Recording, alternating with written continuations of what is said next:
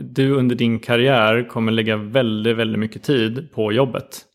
Så se till att eh, flytta din karriär i en riktning som är eh, meningsfull.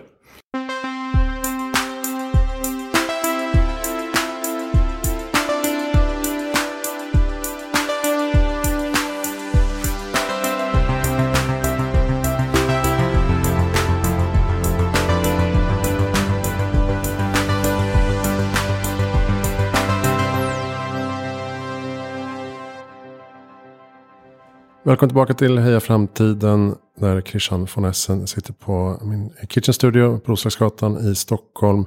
Tillsammans med eh, Kalle Söderman. Välkommen till podden. Tackar. Lite knepigt att beskriva exakt vad du gör. Du kanske ska, du kanske ska mm, presentera dig själv. Hur presenterar du dig? Ja, eh, men det är många olika spår. Så att eh, jag eh, har det ena foten i eh, att jag är Head of Growth på eh, ett företag som heter Belleco. Som hyr ut kontorsmöbler eh, och hemmakontor. Och eh, sen så har jag mitt andra ben som är att jag är grundare och vd för ett, en app som heter Ingmar. Som visar vilka recept du kan laga med de ingredienser du har hemma. Eh, och sen så har jag svårt att hålla tassarna borta från eh, andra roliga saker. Men eh, försöker att hålla min nyfikenhet i schack.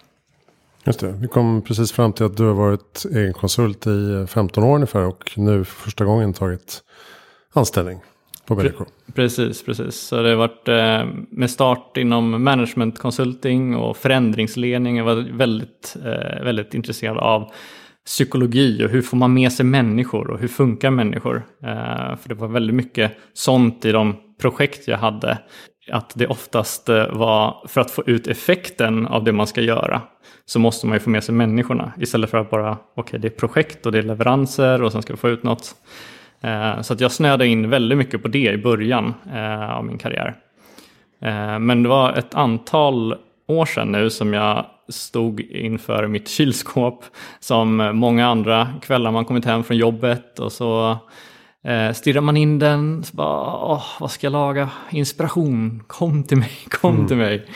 Um, och jag hade haft någon tanke tidigare om att det vore riktigt kul att starta ett eget bolag, vara någon som bygger upp någonting. Uh, och just där och då slog det mig att ja, men hur svårt kan det vara att ha en lista på vad har jag hemma och sen få förslag på vad jag kan laga med det. Och så sökte jag runt en massa och eh, försökte hitta en sån tjänst till mig själv. Eh, men hittade ingenting bra. Och då grodde den här tanken och växte. Och ju mer jag tittade på problemet, affärsmodell och hur man skulle kunna lösa det, desto svårare hade jag att släppa det. Och tänkte att jag kommer nog ångra mig resten av mitt liv. Eller fundera i alla fall. Mm. Vad hade hänt om jag hade gjort det här? Så jag kände att det hade varit värre att inte eh, slänga sig ut och eh, försöka. Även om jag inte hade en stor påse pengar eller att jag själv kunde programmera eller hade eh, ett kompisgäng som kunde hjälpa till. Så, så ja, men jag löser det här på något sätt. Och när var det här? Det var redan för tio år sedan som jag eh, hade idén. Sen så tog det ett tag innan jag eh, startade själva bolaget och, och så. Just det. Och nu är eh, Ingmar då en, eh, framförallt en app i App Store och Google Play antar jag. Precis. Och så finns det då hemsidan där du även driver en matblogg. Och har lite receptinspiration och sådär. Absolut. Det var en av, eh, av tankarna att eh, om jag ändå ska ta fram recept till appen då kan jag lika gärna lägga upp det på bloggen och så kan jag få, eh, få in söktrafik. Eh, att folk upptäcker oss. Eh, så det var inte så mycket extra jobb egentligen. Ja, just det. Och det är ganska enkelt att komma igång. Då. Jag, jag har bara testat lite grann men just att man eh, man får till och med förslag. Har du det här hemma i kylskåpet? Ja, men det har jag väl. Och så, vad har du mer då? Så klickar man i några saker och sen får man då recept som är anpassade efter, efter bara det. Helt enkelt. Eh, och så kombinerar man det med en inköpslista ifall man behöver komplettera, eller Ja, nej, men det här har ju varit en, en resa under många år och jag har itererat många gånger och bjudit in användare att de ska testa och få feedback. Och från början var det inte alls en lika smooth eh, upplevelse. Att, eh, men nu har vi förfinat det till att det ska vara så lite piece by piece. Att du så här, ah, eh, det här har jag faktiskt och klick, klick. Så att det inte ska vara den här den känslan som många får när man berättar om det. Första är liksom, oh wow, det här skulle jag vilja ha. Men också, men hur ska jag orka fylla i vad jag har hemma? Och hur ska jag hålla det här uppdaterat? Mm. Så de två sakerna, de eh, frågorna som folk ställer sig har jag verkligen kämpat med. Så här, men jag måste göra någonting riktigt, riktigt bra åt det här för annars kommer inte det här flyga. Och, och vad är planen framöver nu? Nu har du bara en dag i veckan att jobba med Ingmar. Um, eftersom du är anställd till 80 procent. Vad är, eh, vad är tanken eh, framåt? Ska, vill du sälja hela projektet eller eh, bygga in någon slags betalmodell? Eller? Jag, eh, förutom en dag i veckan så eh, har jag jobbat på som jag gjort tidigare med eh, långa kvällspass och tid på helgen och sådär. Så att det blir ju ganska många timmar i, i veckan ändå.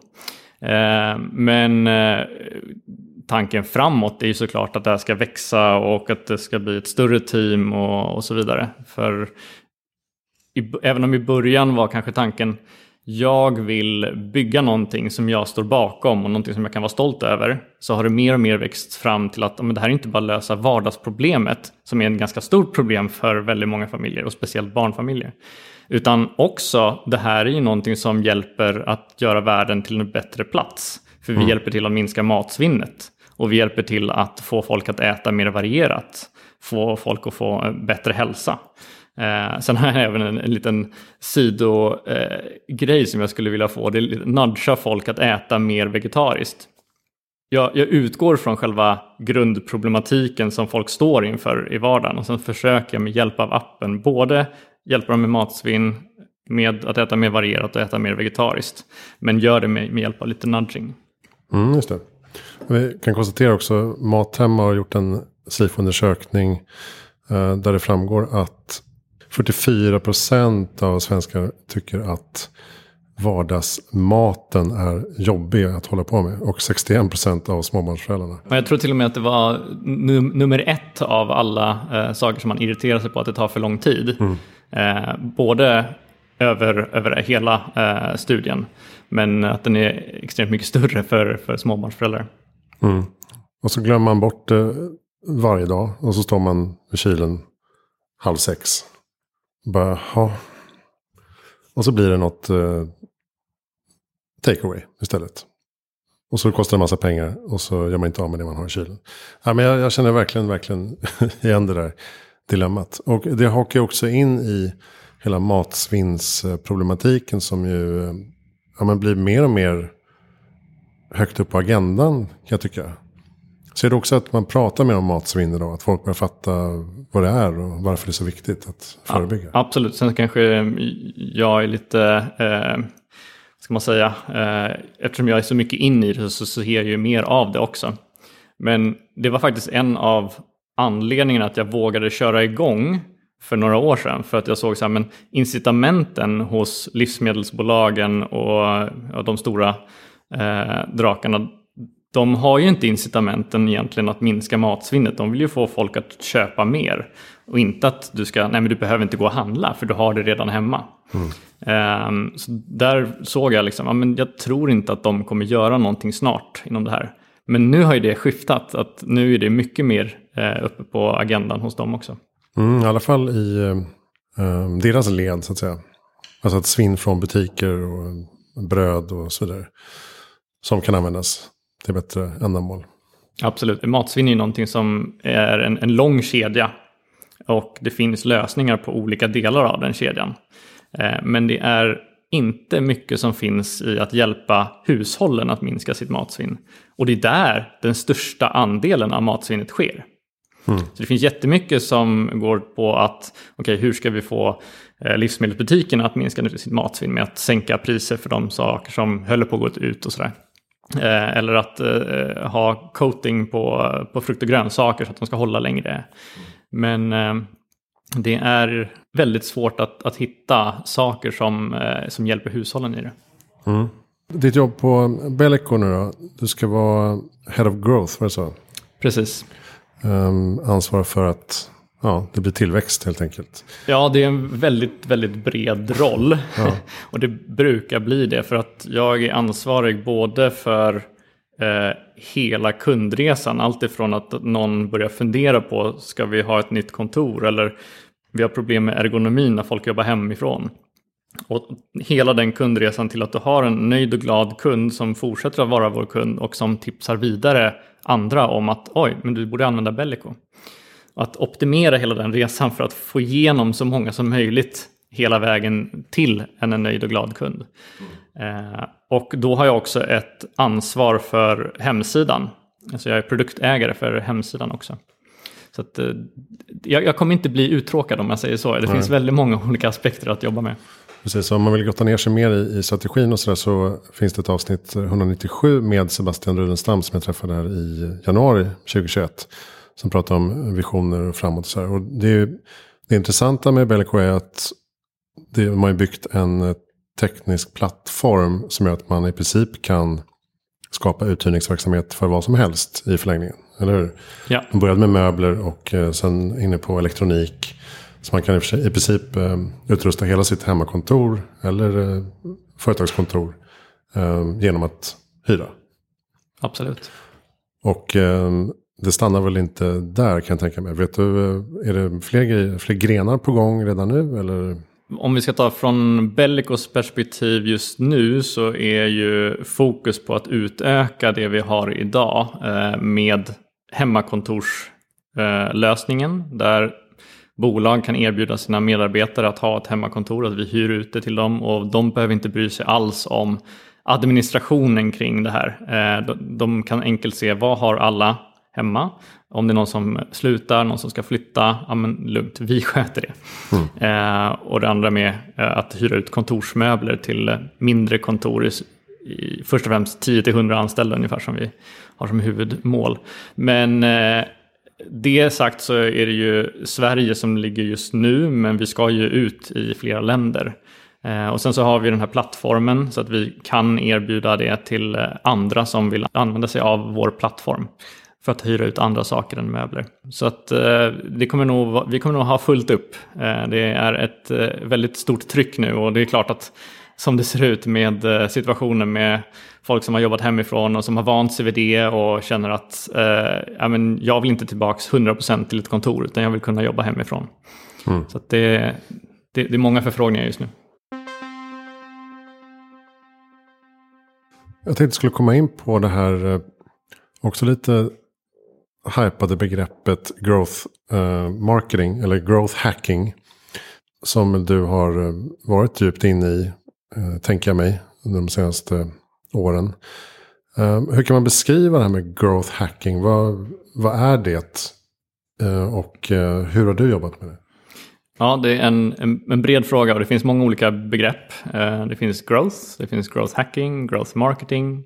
Men jag skulle säga att alla de begreppen, om man kondenserar ner det till någonting så är det att lära sig så mycket som möjligt så snabbt som möjligt. Och det gör man med hjälp av experiment. Så istället för att ha den här eh, kanske marknadsplanen där man sitter och filar på så, ja, men det här är rätt budskap och det här är rätt målgrupp och det här är rätt kanal. Eh, så istället så försöker man göra så, eh, så experiment som bekräftar en hypotes man har så snabbt som möjligt. Vad kan vi göra minsta möjliga för att göra det? Kan det vara att vi skickar ut annonser till eh, rätt målgrupp? Vi har version A och version B. Och så ser vi vilken eh, resonerar bäst med vår målgrupp. Okej, bra, då har vi lärt oss det. Då kan vi ta det vidare till nästa steg. Så kallade AB-tester då, som man gör mycket i techvärlden. Ja, precis. Eh, och AB-tester eller ABC eller eh, man kan göra före och efter-tester om man inte har den datan. Men det kan man göra både på sin egen sida för att se och eh, optimera sin konvertering. Men man kan ju också använda sig av annonser. Och man behöver inte tänka att det är bara eh, annonser som ska AB-testas, vilken funkar bäst, utan man kan använda sig av annonser för att lära sig vad man ska kommunicera på någon annan plattform. För att där kan du bara köpa det i trafiken och då har du inte den där problematiken att du inte har tillräckligt data för att kunna göra AB-tester. Så när folk pratar om growth hacking så handlar det egentligen om att gå in mer på detaljnivå och tweaka och eh, testa mer i realtid än man gjort tidigare. att ligga före så att säga? Ja, det är en del av det. Ehm, men för att eh, förtydliga lite. Ehm, det, är ju ganska dålig idé att bara skicka ut experiment hej vilt. För då kommer det ta ganska lång tid innan du eh, kommer i rätt riktning och kommer tillräckligt snabbt fram. Så det är ju bra att komma så snabbt som möjligt till eh, här är rätt område att testa och här är rätt saker att eh, verifiera. Det absolut viktigaste man måste börja med är att förstå sin målgrupp, sin kund. Och, och då handlar det om att göra ordentlig kundresa, man kanske gör en ordentlig sökordsanalys för att förstå vad är det de faktiskt söker på. Det är kanske lite uttjatade begrepp, personas eh, har fått en dålig klang ibland, men vad, vad jag brukar säga med det är att gå ner och verkligen förstå vad är det den här personen vill åstadkomma? Vad har de för problem? Vart hänger de någonstans? Eh, vad tänker de när de kommer in på din hemsida? Vad är det för någonting de vill ha svar på?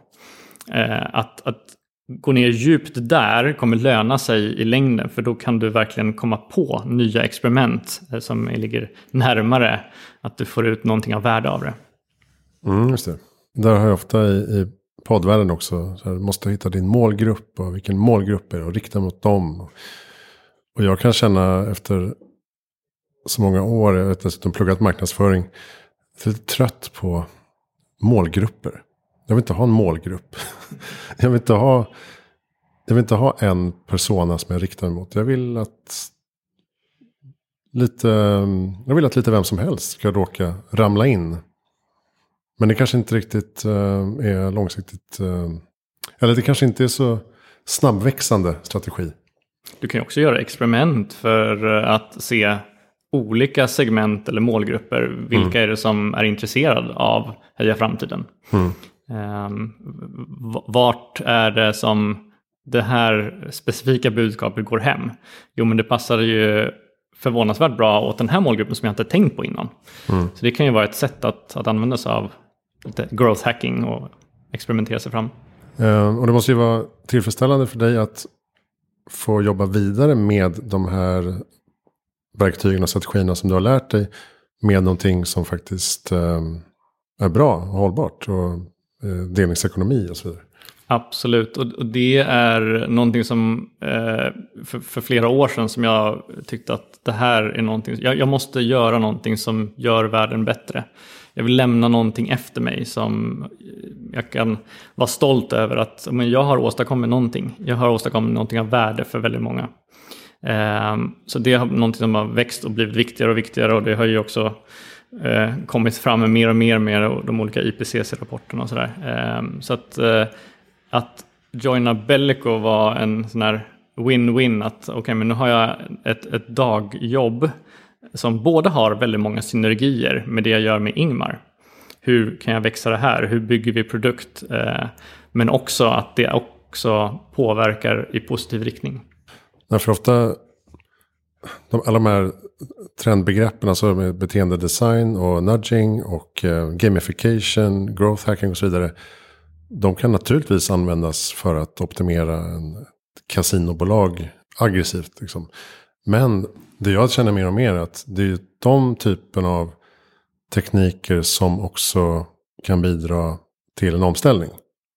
Eftersom, som du säger, man behöver nudga folk att fatta rätt beslut i vardagen. Man behöver kanske någon spelifieringsfilosofi bakom en app som ska leda till eh, ändrat beteende till exempel. Eh, så är det också att de här är ganska kraftfulla verktyg om man använder dem på rätt sätt. Absolut, eh, men jag tror att då handlar det ju mycket det som är min bakgrund med förändringsledning. Allt handlar om just som du sa, att hur får man till ett ändrat beteende? Och vad finns det för olika strategier och taktiker för, för att göra det? Eh, growth knyter ju ihop också med förståelse för beteende. För hur kan man öka konverteringen i respektive steg? Hur får man den här personen att ah, det är precis det här jag var intresserad av. Det här vill jag veta mer om. Det här vill jag ladda ner eller vad det nu kan vara. Mm. Jag tänkte skulle i den kontexten prata lite om LinkedIn som mm. du jobbar med ganska mycket. Som jag förstår i alla fall. Du har dessutom skrivit en liten handbok i eh, hur man använder LinkedIn. Vad heter den nu igen? Den heter något på, på engelska för det var på mitt eh, förra bolag, eh, Decipher, som vi tog fram den där. Och det, ni kan nog hitta den om ni går in på decipher.se. Eh, men det är en, en LinkedIn-handbok eh, och eh, det här gjorde vi tillsammans med en student från Growth Marketing-utbildningen på Bergs. Men sen så har jag kompletterat den med ytterligare en, en, en checklista, så tips på vad, vad kan man göra för att öka synligheten på det du skriver och det du lägger upp på LinkedIn. Mm. Så jag tycker att LinkedIn är en väldigt eh, spännande och kul plattform som eh, är nästan lite lättare att använda sig av och bygga upp eh, till någonting större än Instagram och så vidare. Så, eh, och en av anledningarna är här att det är ganska lätt också att connecta med nya människor. Eh, så då ökar du din, eh, dina antal följare eller dina antal kontakter. Som i sin tur gör att fler kommer se vad du lägger upp sen. Eh, som, som i alla de här sociala plattformarna så har ju algoritmer att tänka på.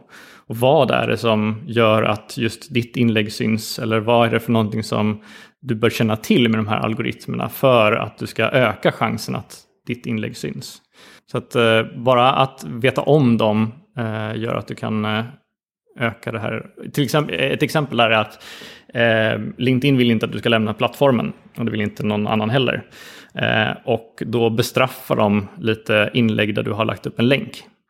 Så det är liksom regel nummer ett. Eh, lägg inte upp en länk eh, och skriv någonting för det kommer få en femtedels effekt eller en tiondels effekt av om du hade bara lagt upp en screenshot på innehållet du vill länka till och sen så lägger du den i kommentarerna. Alltså det, det funkar så på riktigt, alltså att länk i kommentarerna, eh, det bestraffas inte på samma sätt. Nej, precis. Nej. Jag lägger upp länkar hela tiden. jag eh, lite slapp tror jag bara. Men vad mer då? Eh, också, precis som med Facebook så är det lite frustrerande att man bestraffas om man taggar in eh, företagssidor. Eller hur? För företagssidorna förväntas betala för sig. Om du är på LinkedIn och lägger upp någonting från en företagssida då får du också betydligt lägre effekt än om du lägger upp det från din personliga LinkedIn. Mm. Och så funkar det också på Facebook. Eh, om du lägger upp från ett, ett företagskonto versus om du lägger upp från en personlig profil. Just det. Så att eh, bild på en person till exempel utan en massa loggor och sånt. Uh, ren text som är uh, intressant. Ingen länk. Några hashtaggar Ja, men det finns, eh, det finns ju en, en, en, grad av hur viktigt olika saker är. Det här med att inte länka och inte ha från företagskonto, de har väldigt, väldigt stor påverkan. Det är ju en faktor 5 eller 10 i hur pass många som kommer se det. Eh, men sen så kan man ju optimera små saker. Hashtags är en sak som har väldigt marginell effekt, vad jag har sett i alla fall. Mm. Ehm, men du kan få extremt stor effekt om du taggar in en person som sen går in och kommenterar eller gillar eller någonting. Och sen så handlar det mycket om psykologi igen. Vad är det som får dig att stanna i ditt flöde? Det är nyfikenheten, så här, oh, det här vill jag läsa mer om. Mm. På LinkedIn så är det väl see more, så dot, dot, dot, see more. För den bryts efter om det är tre, fyra rader. Mm. Så det är en signal till LinkedIns algoritm att det här var ett intressant inlägg. Folk klickar där. Även om man inte klickar på gilla eller skriver en kommentar. Sen så har olika saker som man gör i interaktionen får olika stor vikt mot algoritmen. Så en kommentar ger betydligt mer eh, signaler till LinkedIn att det här är ett intressant inlägg. Så då ska man ju försöka få folk att skriva en kommentar. Mm. Kan man försöka avsluta på ett sätt som gör att folk eh, lite så här, jag måste verkligen gå in och svara vad jag tycker mm. här. Eh, och sen när man väl får in de kommentarerna att se till att ställa en eh, motfråga, få igång konversationen. Eh, så var aktiv efter att ha lagt upp när folk skriver någonting, även om det bara är grattis, så kanske man kan gå in och säga ah, tack så mycket och eh, vad, vad, jobbar du med nu? Eh, ja, eller någonting. Just det, så att engagemanget premieras hela tiden. Precis. Det är därför folk eh, lägger upp så här helt random frågor. Oh, jag har så svårt att välja mellan de här två bokomslagen för min kommande bok. Vad tycker ni? Ett eller två? Så ja. går tusen pers in och skriver. Perfekt sånt exempel på hur man kan jobba och då, där kan man ju använda sig av deras eh, eh native-funktion med omröstning. Det finns i alla fall på LinkedIn eh, och det finns i, i, Facebook och Instagram också. Eh, men man kan också, som du säkert har sett på LinkedIn, att folk har gjort en liten bild och så har de gjort tumme upp betyder det här, ja, det. hjärta betyder det här. Eh, för då får du folk att faktiskt engagera sig i posten och eh, LinkedIn tror att det här är ett superintressant inlägg. Mm. Är det en bra strategi att eh, kommentera mycket på andras inlägg? Då? Ja, all, eh, all interaktion och allt du gör eh, med de personerna gör ju att de också har en större sannolikhet att de ser vad du skriver. Mm. Ju starkare relation du har med olika personer och ju mer du interagerar med någon desto större sannolikhet att du ser någonting i, di i ditt flöde. Um, du har säkert sett att om du har skickat ett meddelande till någon person och sen så dagen efter så ser du just vad de har skrivit uh, i sin uh, statusuppdatering. Just det. Um, så det, är en, tydlig sak som, uh, som LinkedIns algoritm gör. Och där är, nästan, där är ofta en gråzon till vad som blir spammigt. Alltså man ser ju vissa som per automatik skickar samma symbol liksom, på väldigt många inlägg. Mm. Eller som skriver spännande. Och så på exakt samma sätt på tio inlägg om dagen.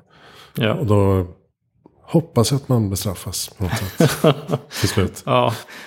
Vissa saker lär ju sig de här plattformarna när folk börjar missbruka det. Och så brukar de tweaka till algoritmerna så att det eh, ändras till att så som det borde vara. Mm.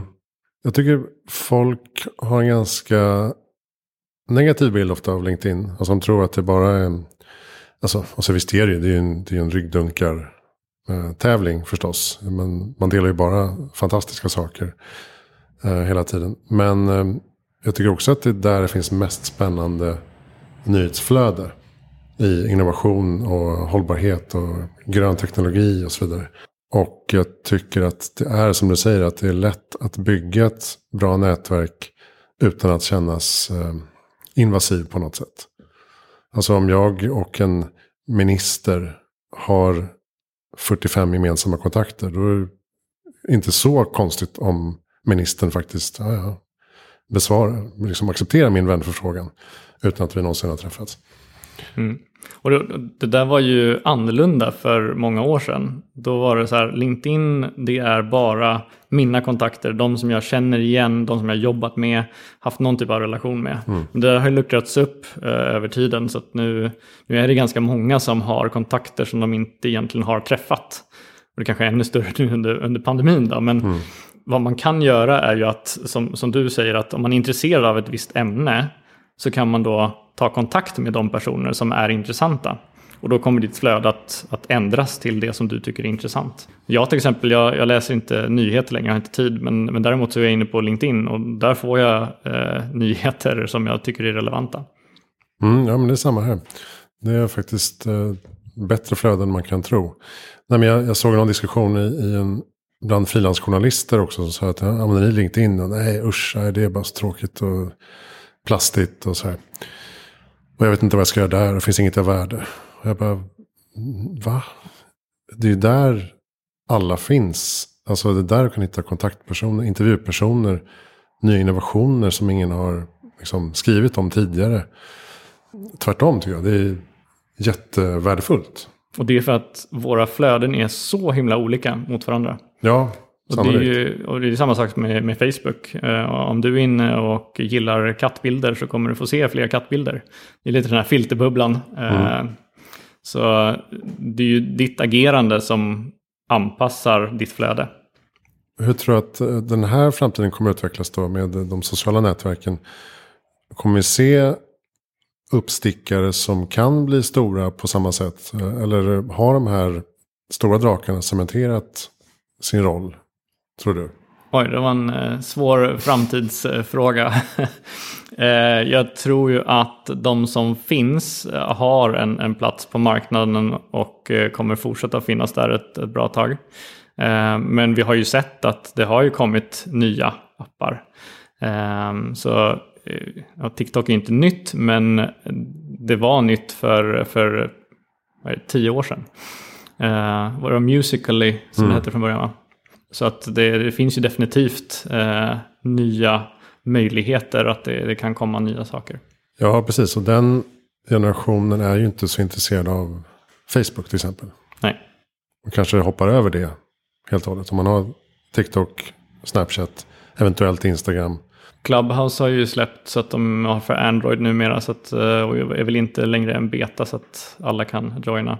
Mm. Det kanske skulle vara en, eh, en bra kanal att, att podcasta i samtidigt.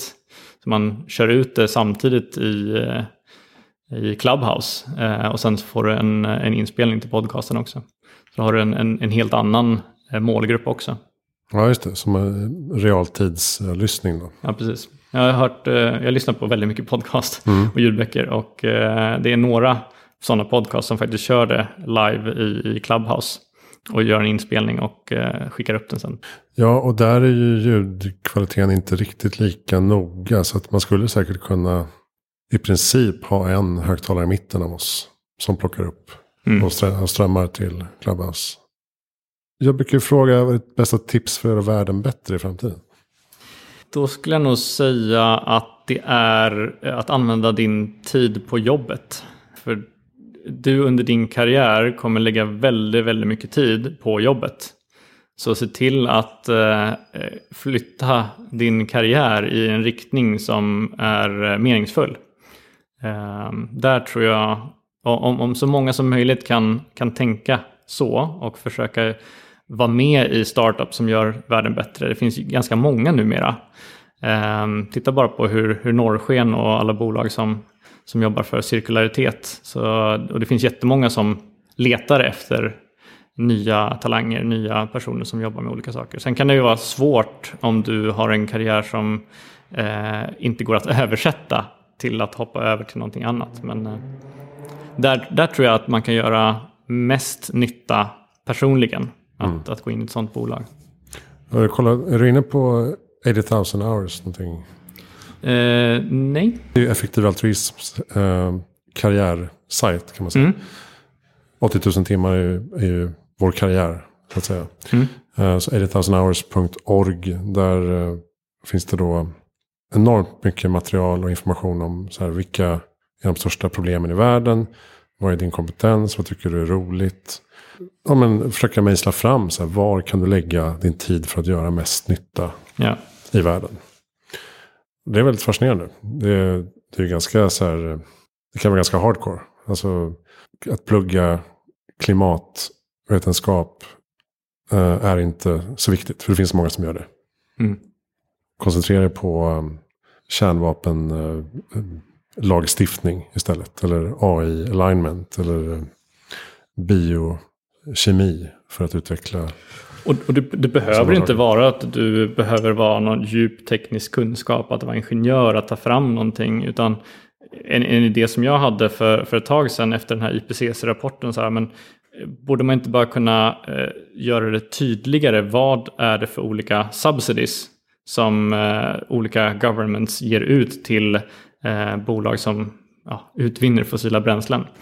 Eh, För det är en extrem mängd pengar som går till att eh, eh, ja, hjälpa bolag som, som inte hjälper planeten helt enkelt. Eh, och, och det här är ju knappt någon som känner till. Vad, vad tror du skulle hända om vi eh, lyfter upp det här? Vad är det för subsidies som går till vilka bolag? Vilka eh, politiker har godkänt det här? Att få upp det, synliggöra det. Det handlar om att kanske bygga hemsida, eh, bygga upp eh, sociala mediekonton, sprida information, göra research, eh, gräva upp det här. Eh, opinionspåverkning, alltså det, det kan vara vad som helst. Ja, ja, man kan ju vara HR-assistent och ändå hitta ett eh, betydligt mer meningsfullt kall.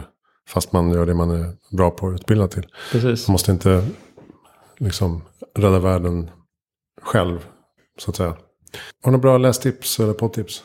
Eh, jag lyssnar ju på så himla mycket. Ehm, men den senaste jag lyssnade på en ljudbok eh, är Range med David Epstein. Ehm, den går igenom att du kanske inte behöver specialisera dig så himla tidigt.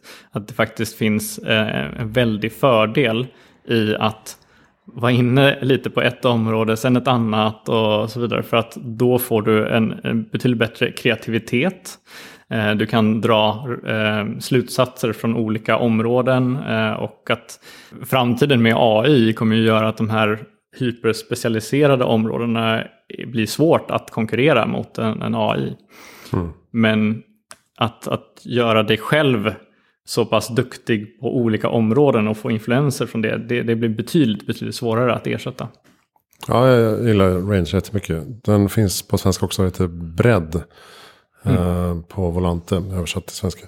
Men jag tror också att det landade så väl i, i min egen mitt eget liv också. Att så här, ja, jag borde rikta in mig på en sak. Och så kommer en bok som säger att nej, bredd är bra. Det är, det är bra att vara, vara ganska duktig på många saker. Mm. Så känner jag att den, den bekräftade mitt eh, ego. Ja, men jag tror att det, det, är lite så vi funkar och det är så jag, jag tycker också mm. så här. En, en bok som, ah, den här var riktigt bra, men det var ju för att jag är lite så själv. Mm, exakt. Um, vem tycker att jag ska intervjua? Uh, nu har inte jag, eftersom jag lyssnar på så många podcasts har jag inte koll på, jag har ju lyssnat på väldigt många av dina, men uh, Johan Jörgensen, har du intervjuat mm. honom? Ja, ja, tidigt. Då skulle du kanske kunna intervjua Louise Ungert tycker jag du ska intervjua. Om mm. matsvinn. Sen så kan jag också eh, tycka att det kan vara intressant att intervjua Sara Ask. Eh, hon är eh, dietist eh, för barn. Så hon har skrivit väldigt många, både kokböcker men också böcker om hur man får barn att äta mer varierat. Så finns väldigt mycket intressant där och det är just det här med att vara förälder och komma in i det här att från att du har några favoriträtter och du, du, du har din, din partner och ni, ni gillar vissa saker och sen så får ni barn. Eh, och eh, när de börjar äta riktig mat så blir det en liten chock. Att så här, nej, hej, vi kan inte göra det och vi kan inte göra det och mm. barnen eh, ratar det här. Och sen så blir det bara fiskpinnar och pannkakor kvar. Eh, vilket inte är så kul. Men eh, där, där kommer ju Ingmar in som, som en, en hjälp såklart. Mm. Eh, att vi har hittat och, och, fått fram en av de, jag tror att det är en av de bästa samlingarna i, i Sverige på recept som är barnvänliga och funkar till vardagen.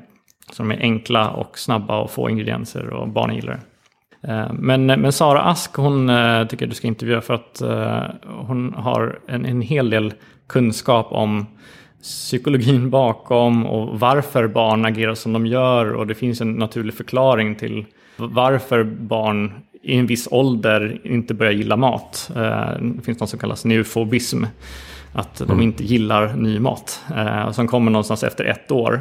Och det kan man också se, jag är med i väldigt många Facebookgrupper och eh, det är ganska ofta som det kommer en fråga så här, hjälp, panik, min ettåring eller min en och en halvåring har slutat äta det här de brukar, nu äter de bara fiskpinnar.